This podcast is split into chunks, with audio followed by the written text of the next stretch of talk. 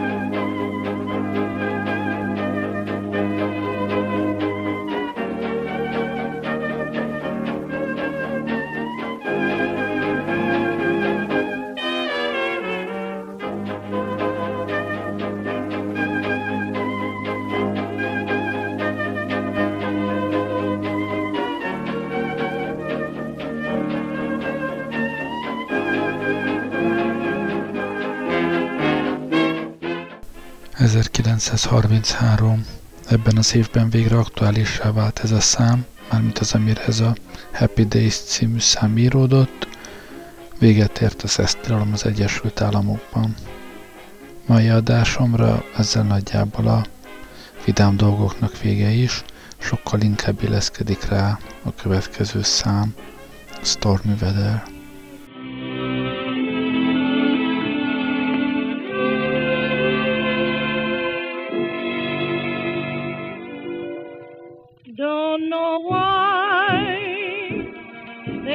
sun up in the sky, stormy weather. Since my man and I ain't together, keeps raining all the time. Life is bare, gloom and misery everywhere, stormy weather.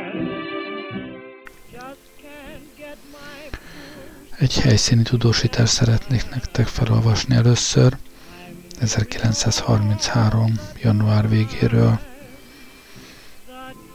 Márai Sándor, messiás a sportparasztban. Berlin, január végén, 1933. A Horst Wessel emlékünnepi estéjén Hitler Adolf beszél a berlini sportpalasztban. Aki ezt nem látta és nem hallotta egyszer, az talán soha nem érti meg igazi jelentőségében a háború utáni Németországba a jós lelki összetételét. A valóság, a Hitlerféle valóság és következményei minden híradást és elképzelést meghaladnak. A valóság szemtől szemben nagyjából így fest. Hitler Berlinben ritkán beszél csak. Berlin Göbbels vadász területe, aki különben, mint a vezérek legtöbbje, komoly paranoiában szenved, vidékre például csak akkor hajlandó már lerándulni, ha megfelelő számú hallgatóságot és megfelelő összegű honoráriumot előre biztosít számára a helyi pártvezetőség. A sportpalasz befogadó képessége 25 ezer ember. Belépődíj egy márka. Jegyet már napokkal előbb nem lehet kapni. Az esti 8 órára hirdetett gyűlés napján délután háromkor megindul a vándorlás az írtózatos betonhodály felé. A Büló utcai föld alatti megálló órákon át önti az utcára az egyenruhás nácikat és családtagjaikat. A kapukat hivatalosan csak hatkor nyitják, de akkorra már rejtélyes módon a parkett és a karzatok ülőhelyei foglaltak. Az emberek több órás tartózkodásra és várakozásra rendezkednek be itt.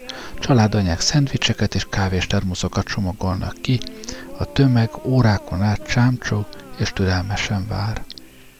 Hat órakor bevonulnak a terembe a náci csapatok, ez itt ma nagy, reprezentatív gyűlés, minden náci ezred elküldte válogatott képviselőit, a 226-os SA Sturmabteilung válogatottjai, úgy hallom négyezren, egyenruhásan ellepik a termet.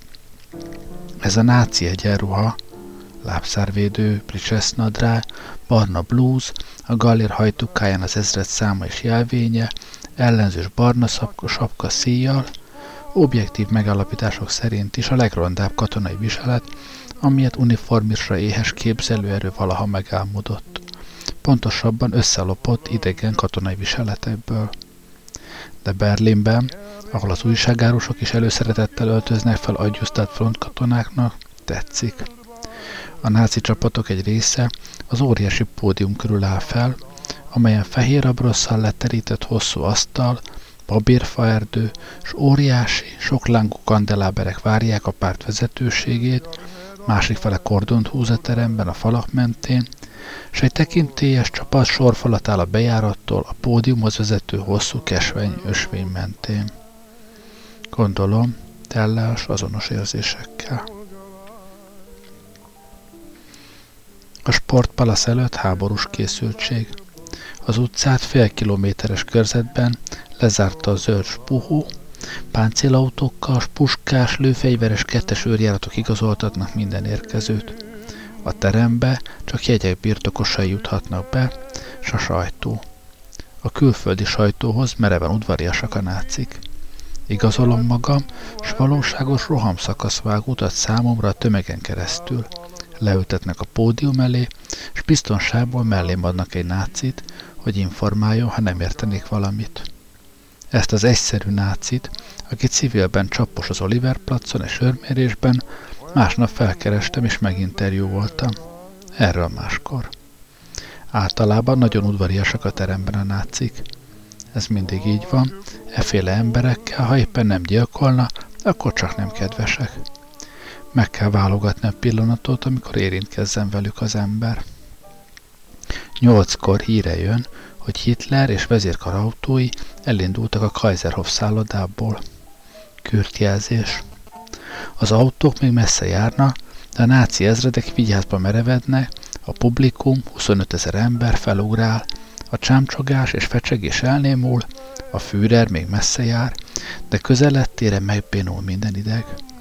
Meg 25 ezer ember szeme hipnotizáltan figyel az ajtó felé, ahol az imádott alak mindjárt fel fog tűnni. Rövid, éles, goroba parancsszavak minden irányból. Kaszárnya hang, melyet a fülek élvezettel isznak. Bevonulnak az zászlóhordozók, pontosan 226-an, óriási, fekete-fehér-vörös horogkeresztes zászlókkal, és felállnak félkörben a pódium mögött. A pártvezetőség egy része, mintegy 80 képviselője a birodalmi gyűlésnek, köztük August Wilhelm királyi herceg náci egyenruhában, elfoglalják a helyüket a fehér asztal mellett. Reflektorok központosítják a főbejárat irányában a fényt.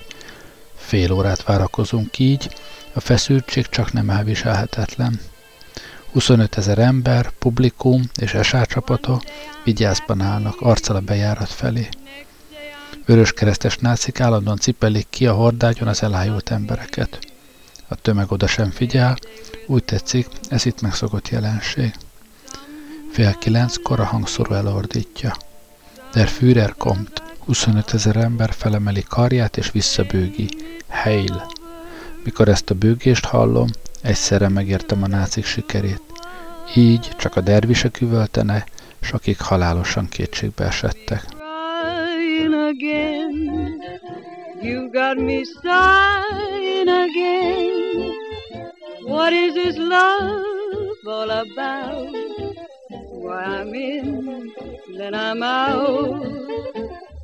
Your kisses right from the start came from your lips, not your heart.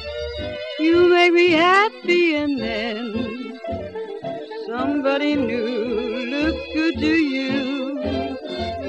You've got me crying again, just crying for you.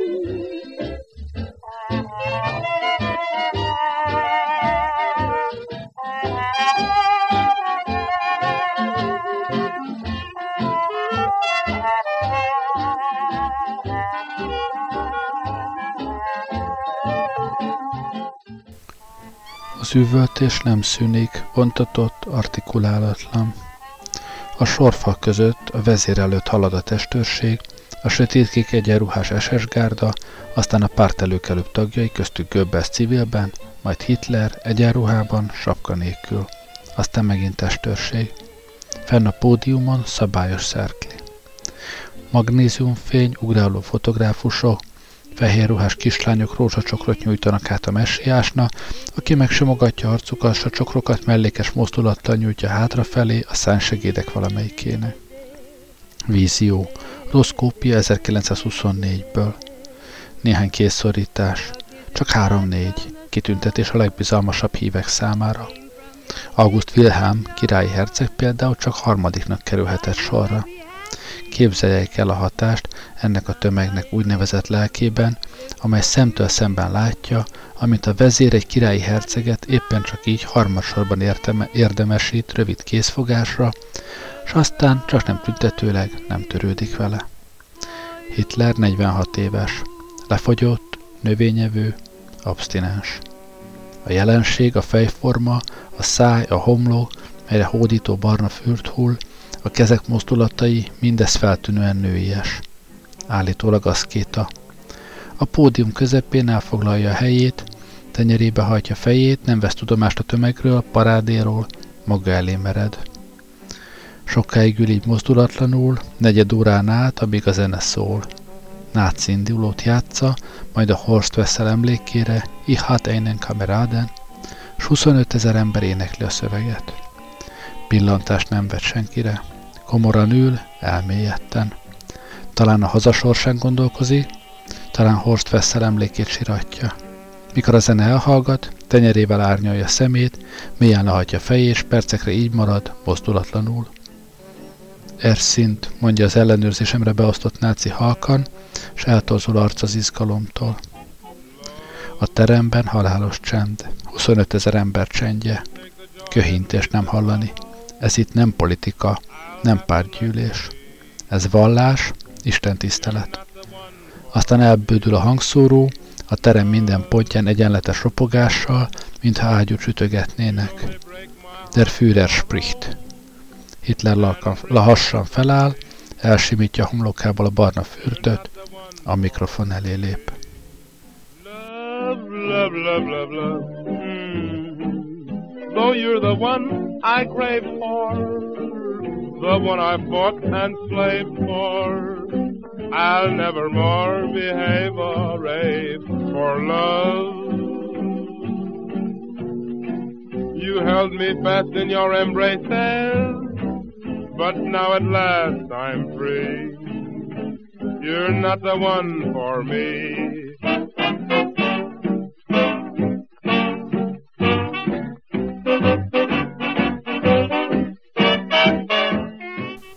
Az arcok Amíg beszél, az arcokat nézem.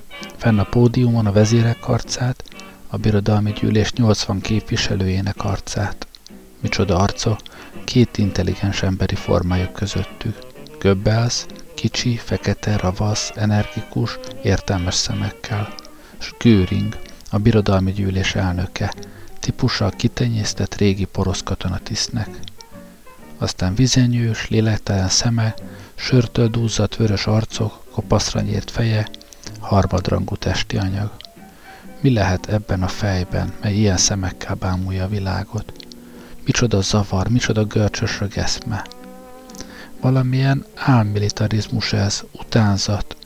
Nem csak az egyenruha, a tartás, a hang, az, egészen, az egész esetlen snájdigság, csak utánzat. Ez a militarizált, egyenruhába dugott utca. Ez a parancsszóra tisztelgő, meleg levesért katonásdit játszó mob. Ez az uniformizált csőcselé, az organizált korlátoltság, a mozgosított csorda ösztön, a kitartott és megfizetett brutalitás, a bunkóval nevelt engedelmesség és puskatussal lelkesített odaadás.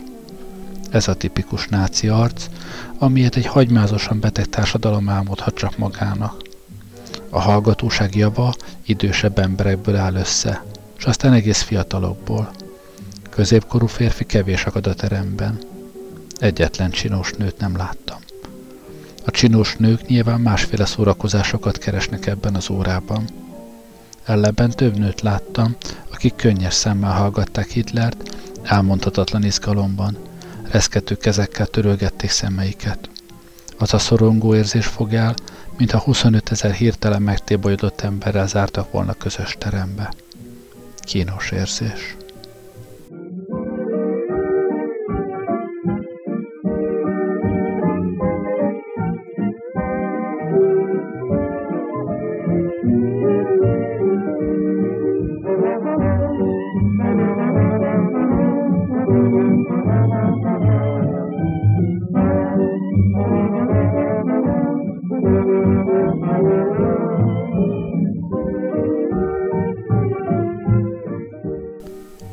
Amit mond a vezér, az közismert. Ahogy mondja, az ebben a teremben valószínűleg meggyőző. A hit minden.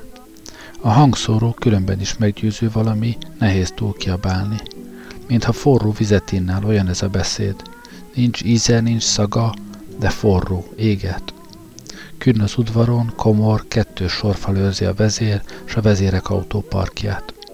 Nem várom be a gyűlés végét, Hitler beszéde után elmegyek. Az óriási luxusautókat testőrök állják körül. Nem is láttam még ilyen autókat. A személyes reprezentálásra úgy látszik, futja még a persejekből, mert az üzemköltségre már nem futja. A fagyos, kihalt utcán a ritka járókelőket is továbbmenésre rúgatják a rendőrök. Pár lépéssel odébb a berlini utca normális, élénk éjszakai képe. A német nép nagy, és sokféle meggyőződésű. Egyötöde hallgat csak meggyőződésből, számításból, vagy a kétségbeesés zavarában a messiásra, aki a magnézium dús fényében áll most a sportpalaszt dobogóján hívői előtt.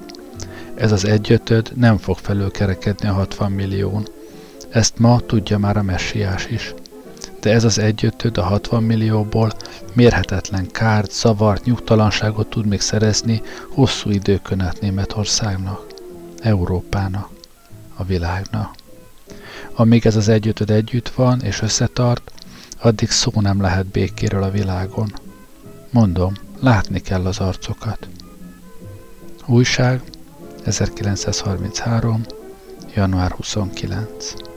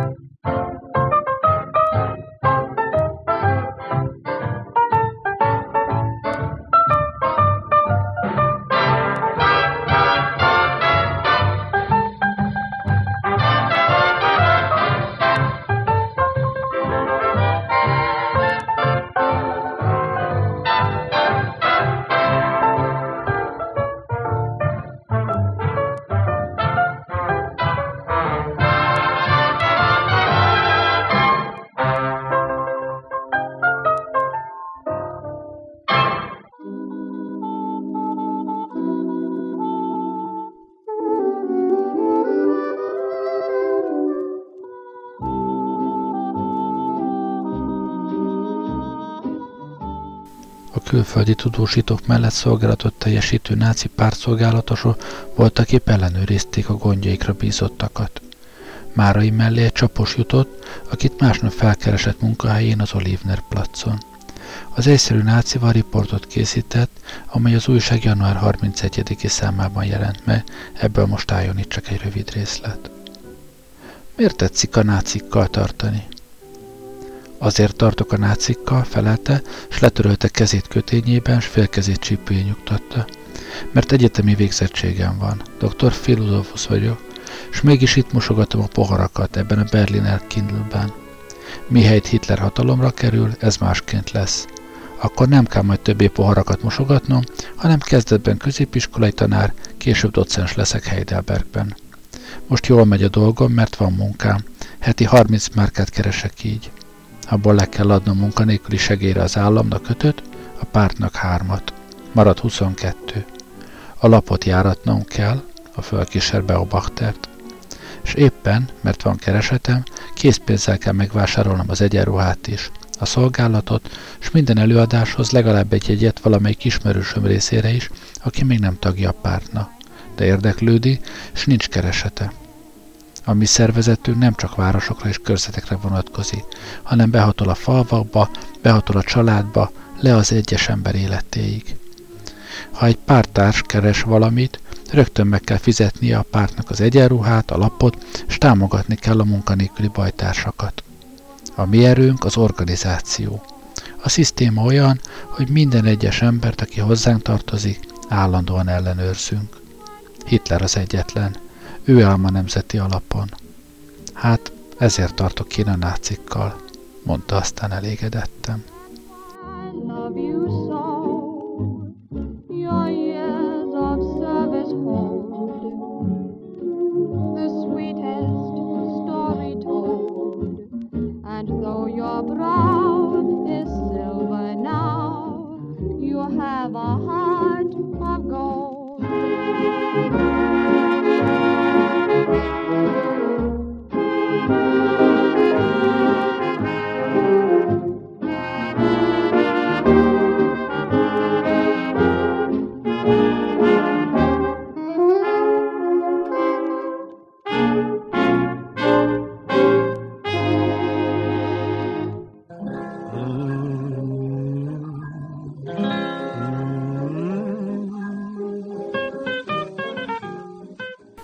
Az év egészen rövid kronológiáját akarnánk összeszedni.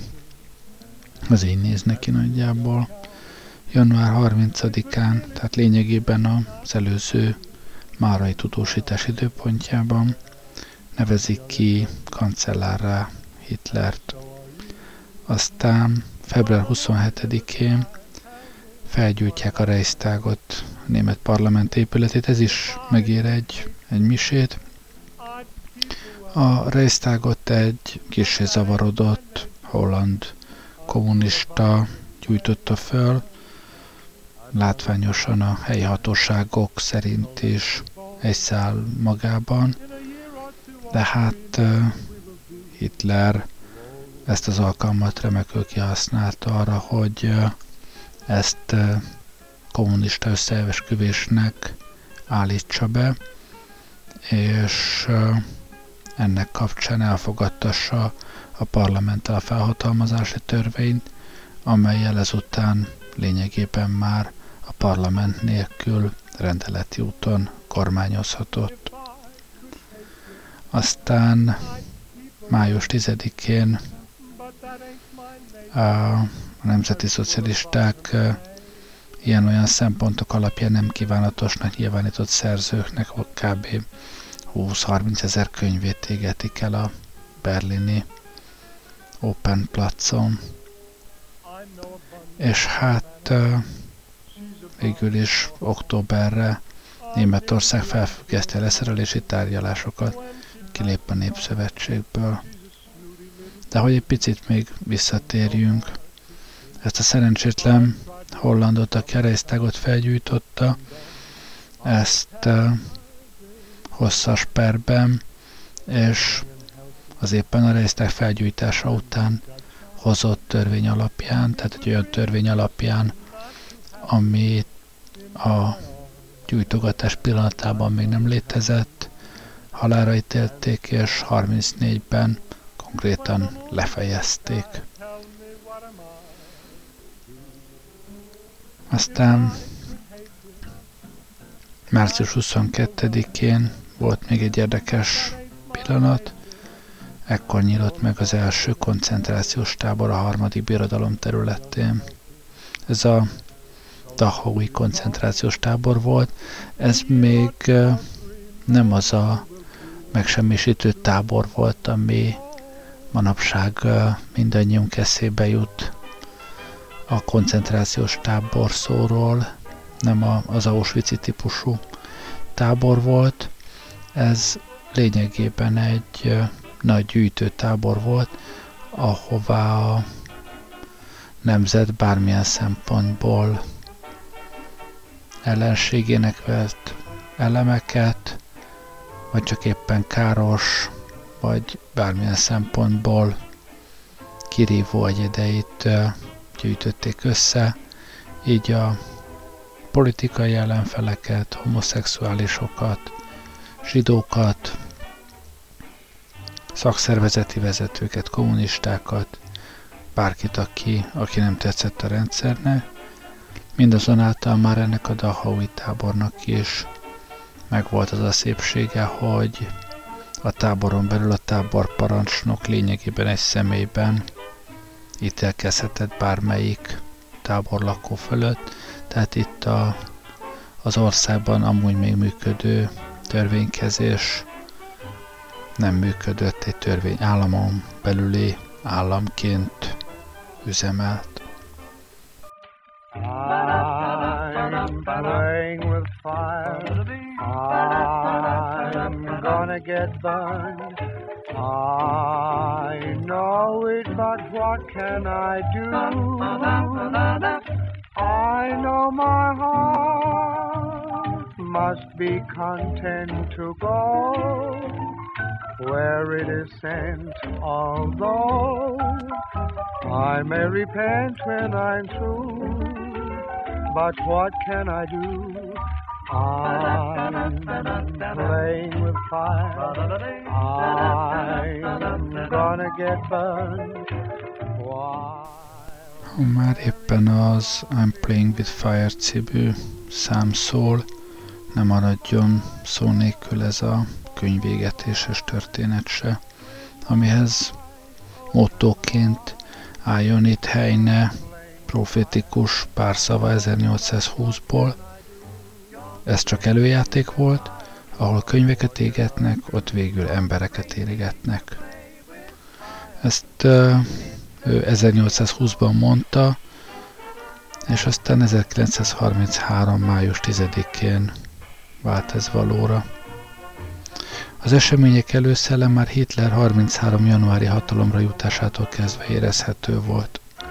A Goebbels vezette propaganda minisztérium hamar nekilátott a német szellem ellen való írók és művek listába szedésének. A világirodalom jelentős művei tűntek el a könyvtárak polcairól, neves professzorokat fosztottak meg katedráiktól. Thomas Mann is kizárták a költészeti akadémiáról. A zsidó szellemiségű marxistának, pacifistának, vagy éppen dekadensnek ítélt könyvek kiírtására a Német Egyetemisták Diák Szövetsége, a Deutschen Studentschaft négy hetes akciót szervezett, amely végül a színházi előadásokhoz hasonlóan megkomponált berlini könyvégetéssel ért véget. Az április 12-én kezdődött akció a propaganda minden lehetséges eszközét bevetve próbált hatással lenni az egyetemi ifjúságra. Az intézményekben bizottságok jöttek létre, amelyek a német szellemet fertőző művek listáját voltak hivatottak összeállítani. Németországot ellepték a zsidó szellemiség elleni fellépést, és a német nyelv nagyszerűségét 12 tézisben hirdető plakátok, és egyre több helyen szerveztek nyilvános könyvégetéseket. A dráma utolsó felvonására május 10-én került sor több városban, illetve Berlinben, a Humboldt Egyetem tövében. Az egyetem, az opera és a Szent Hedvig katedrális által határolt Open placon hatalmas tömeg várta a 20 ezer könyv tűzbevetését. Marx, Heinrich Mann, Erik Kessner, Freud, Remarque, Brecht, vagy éppen Karl von Ossietzky írásainak hamuvá válásához SA és SS kórusok zenét is szolgáltatta. A tűzbevetettek közül Kessner saját szemével nézte végig könyvének elégetését az esős, barbár estén. Az írót fel is ismerték a tömegben, de nem esett bántódása. A következő 12 évben csak azon ritka alkalmakkor láttam műveimet, amikor külföldön jártam. Különös érzés betiltott írónak lenni, aki nem látja többé könyveit a polcokon és a könyvesboltok kirakatában. A hazája egyik városában sem még a szülővárosában sem. Még karácsonykor sem, amikor németek sietnek a behavazott utcákon, hogy beszerezzék a karácsonyi ajándékokat. Emlékezett vissza Kessner. A könyvégetésekkel tűzdelt hónapok óriási visszhangja volt külföldön. New Yorkban május 10-én több tízezres felvonulást tartottak, holland rádióban a betiltott szerzők műveit olvasták fel. 1933-at követően a számbűzött szerző minden évben összegyűlte, hogy megemlékezzenek az ideológia nevében elkövetett szörnyűségről. Napjainkban a régi varázsát visszagyerő Unterden Lindenről a Babelplatzra besétálókat két, a maskakövek közé illeszt, sűjesztett bronztábla emlékezteti a 75 éve történtekre. A helyne idézettel díszített táblától pár méterre egy földbe sűjesztett üvegtetős könyvtár látható. Az üres könyvespolcokon pont 20 ezer könyv számára van hely. A silly phrase, hoping that you'll understand me on all these days.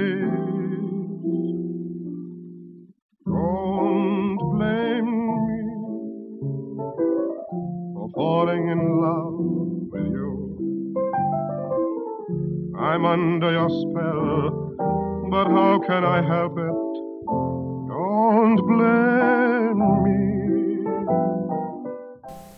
Ugyanez év szeptemberében, októberében a nyugatban Fenyő Miksa írt egy kétrészes nagy cikket Hitler címmel. Ebből válogattam még pár izgalmasabb részletet. Amit a harmadik birodalom urai eddig műveltek, ahogy a Weimári Alkotmány népképviselete helyébe a Nemzeti Szocialista Párt könyörtelen diktatúráját ültették, ahogy a gondolatnak és a gondolkodásnak szabadságát megszüntetté, a szót és betét politikájuk rabszolgájává kényszerítetté, ahogy általában a kulturális törekvéseket csak annyiban ismerik el jogosaknak, amennyiben az befolyásuk öregbítésére szolgál, ahogy külpolitikájuk tengelyéül nyugat felé Franciaország lebírását, kelet felé Németország terjeszkedését tetté, ahogy a zsidóságot brutalizálták, ahogy a katolicizmus világot átfogó egyetemlegességéből votánt, a germán világok vándorát próbálják kitenyészteni, Mindehez háttérnek, magyarázató, kényszerítő indokul a fajelmélet tanításait vonultatják fel. Nagyon érdekes, hogy éppen az a Hermann Wirth, akiből Rosenberg oldalakat expert, excerpál, anélkül, hogy szükségesnek találna ezt legalább egy jegyzetben megemlíteni, írja szép felépítésű munkájában, hogy a fajjá alakulás ősidejére vonatkozó komoly megállapításokat a mai emberből egyedül a szerológia, a vértestecskék tudományának alapján lehet megejteni. De biztosat még ezen az alapon sem, mert ez a tudomány a fejlődésnek legkezdetén áll, és rengeteg anyagot kell még összegyűjteni, míg a dologban tisztán láthatunk. A nemzeti szocialista fajelmélet tudósai nem várták be ennek az anyagnak begyűlését, hanem proklamálták az északi fajtának felsőbbrendűségét, megállapítván, hogy e fajtána máig legtisztábban kitenyésztett embercsoportja a germánság, melynek önmaga és a világ iránti kötelessége minden további basztardizálási folyamatot megakasztani, és az északi fajtát, magas növésű, hosszú lábú, hosszú fejű, keskeny arcú, kékszemű, aranyszőke hajú, bátor, céltudatos, vezetésre hivatott, Dige Borene Führer Natur, Lohengrin típust az emberiség irányítására tisztán megtartani. De hát ezekkel a szerológiai megállapításokkal baj van.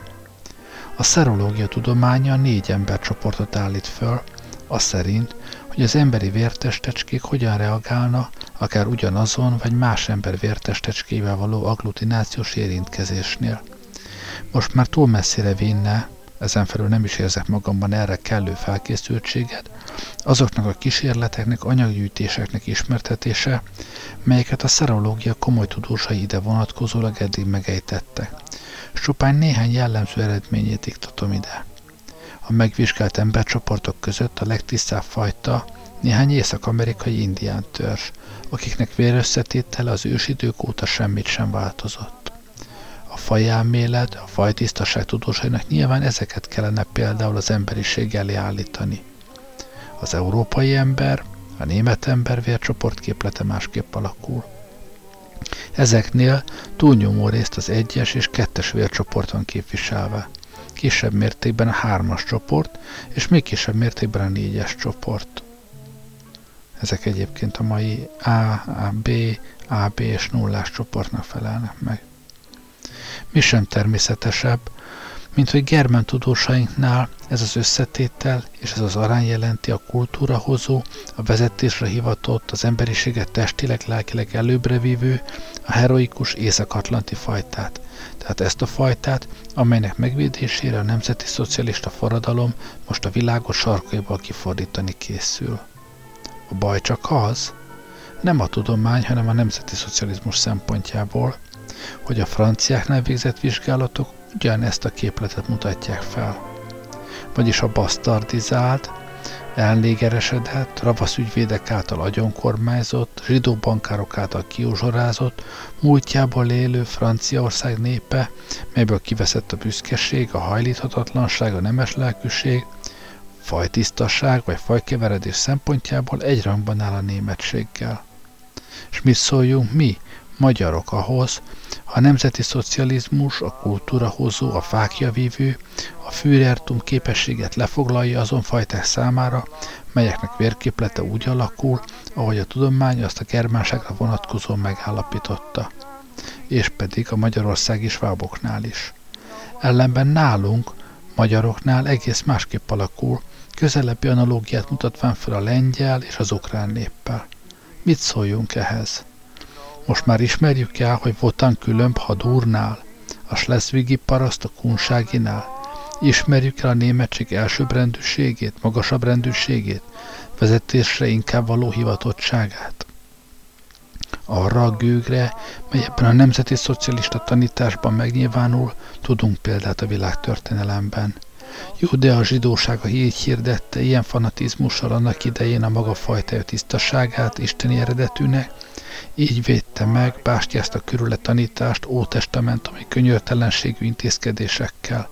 Így állította szembe a maga elhivatottságát, kiválasztottságát az egész világgal, stiport le mindent kiméletlenül. Az autoratív állam kiméletlenségével, mely ezzel a tanítással szembe mert szállni.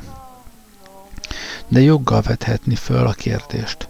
Vajon miért volna tanít fontos, hogy a nemzeti szocializmus fajelméleti tanítása tudományosan megalapozott legyen? Az a kérdés, alkalmas-e tanítás arra, függetlenül belső igazságától, hogy a német megcibált önérzetét felfokozza, és olyan teljesítményekre serkentse, melyekben a németség javaereje nyilatkozik meg. Vajon alkalmas-e?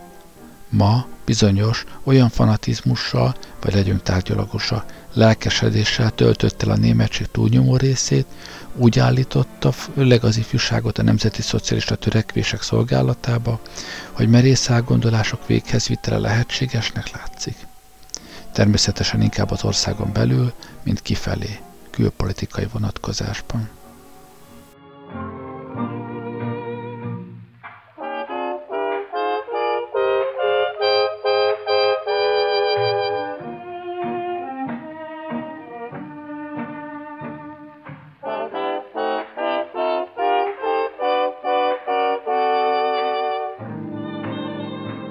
Van egy kemény megállapítása Hitlernek.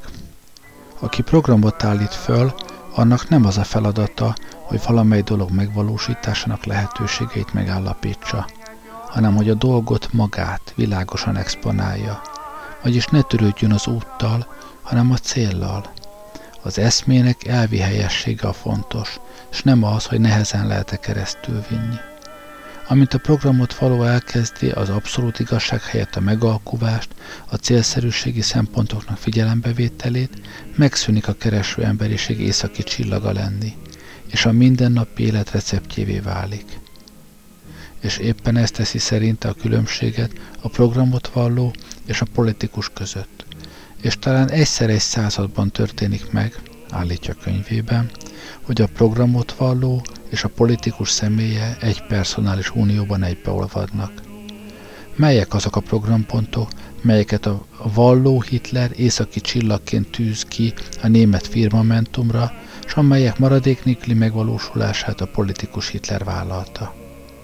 A legfontosabbnak látszik, vallomásaiban a legnagyobb helyet foglalja el, a német egységnek Ausztria becsatolásával való kiteljesítése. Ahogy a birodalom egységét a Bismarcki alkotmányban tradíciók és dinasztiák tiszteletében fenntartott sorompok félrelökésével helyreállította, az elismerést érdemel. Csak olyan kikezdhetetlen tekintély művelhette meg, mint amilyen Hitler magának részben megszerzett, részben kierőszakolt. És most következne az egység kiteljesítése Ausztria befogadásával. Itt aztán szembe került a program a valósággal. A hitleri gránit akarat külpolitika páncél erődítéseivel. Franciaország soha nem fogja eltűrni, hogy Németország egy vesztes háború után területében lakossága számában meggyarapodjon. Itália soha nem fogja eltűrni, hogy Németország szomszédságának lidérc nyomása ránehezedjen, és Anglia, hogy ez a probléma egy európai konflagráció okozója legyen. Hitlernek nyilván igaza van, az Anschluss a történelem logikájának vonalában fekszik. De láttuk már azt a világtörténelem folyamán, hogy néha évszázadokig is eltart, míg a logikus igazság érvényesül. A németesség létrejött és a történelem logikájának vonalán feküdt. Bruckhardt szerint már Wallenstein és Gustav Adolf alatt közel volt a megvalósuláshoz. És mégis századok kellettek, míg valósággá vált és Franciaország joggal hivatkozik rá, hogy Belgium bajlón részének Franciaországhoz való csatolása éppen olyan logikus, mint az osztrák Anschluss. És mégis Franciaországnak a nemzetközi szerződésnek tiszteletében eszébe sem jut, hogy erre just formáljon. Ezen a ponton, Ausztria bekebelezésének pontján Az a veszély fenyegeti a programot valló Hitlert, hogy kénytelen lesz engedni a politikusnak, és a célszerűségi szempontok figyelembevételével ennek az eszmének megvalósításáról lemondani.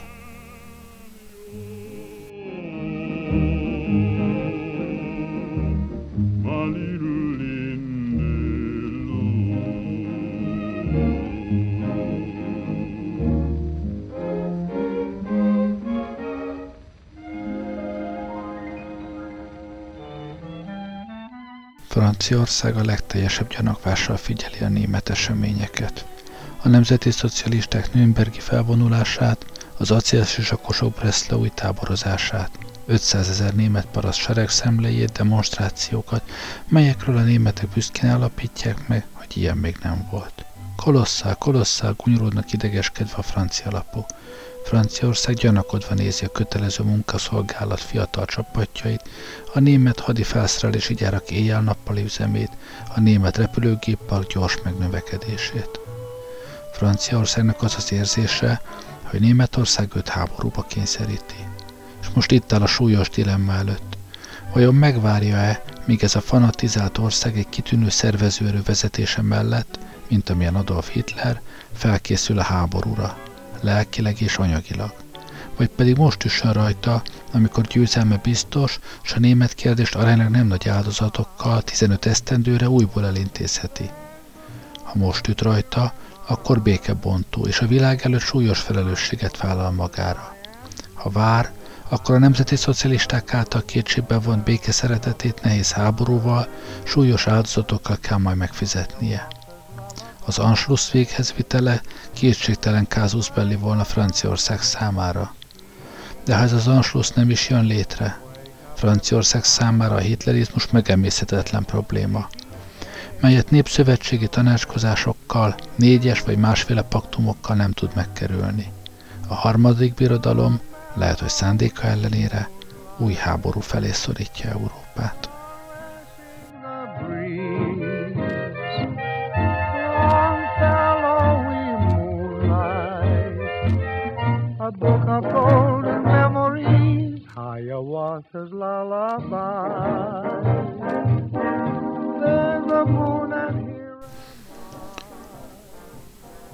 Szóval itt tartott Európa, itt tartott az emberiség 1933-ban. Márai jelen volt a nagygyűlésen, látta az arcokat, látta az embereket, érezte, mi történik, de azzal zárt a cikkét, hogy a németek 20%-a, ha egyáltalán hisz Hitlerben, és nem is várható, hogy ez a 20%-a másik 80% felé kerekedjen. A másik cikkben láthatjuk, hogy az Anschluss lehetetlenségéről, Franciaország, Anglia, Olaszország beavatkozásáról ír a szerző, és mégis könyvégetések. Két hónappal egy cikke után Hitler már nem csak kancellár, hanem rendeleti úton vezeti az országot, és hát tudjuk, mik következtek utána. Szóval figyelni kell az első jelekre, akkor kell avat, beleavatkozni, akkor kell felemelni a szavunkat, amikor még lehet. 33-ban és onnantól kezdve Németországot elhagyta az ország legjava, elmenekültek ki azért, mert üldözték, üldözték volna, ki azért, mert nem bírt egy ilyen rezsimben élni. Rettenetes év volt, nem szeretném ezzel a hangulattal továbbadni Gabriellának a hallgatóságot, úgyhogy még az év két egészen kiváló számát tettem be ide a műsor végére. Én búcsúzom, köszönöm, hogy velem voltatok ma este. Jó éjszakát kívánok, Gerlei Rádiózott. Experiment, make it your motto day and night. Experiment. and it will lead you to the light. The apple on the top of the tree is never too high to achieve. So take an example from Eve. Experiment. Be curious. Though interfering friends may frown, get furious at each attempt to hold you down. If this advice you only employ, the future can offer you infinite joy and merriment. Experiment, and you'll see.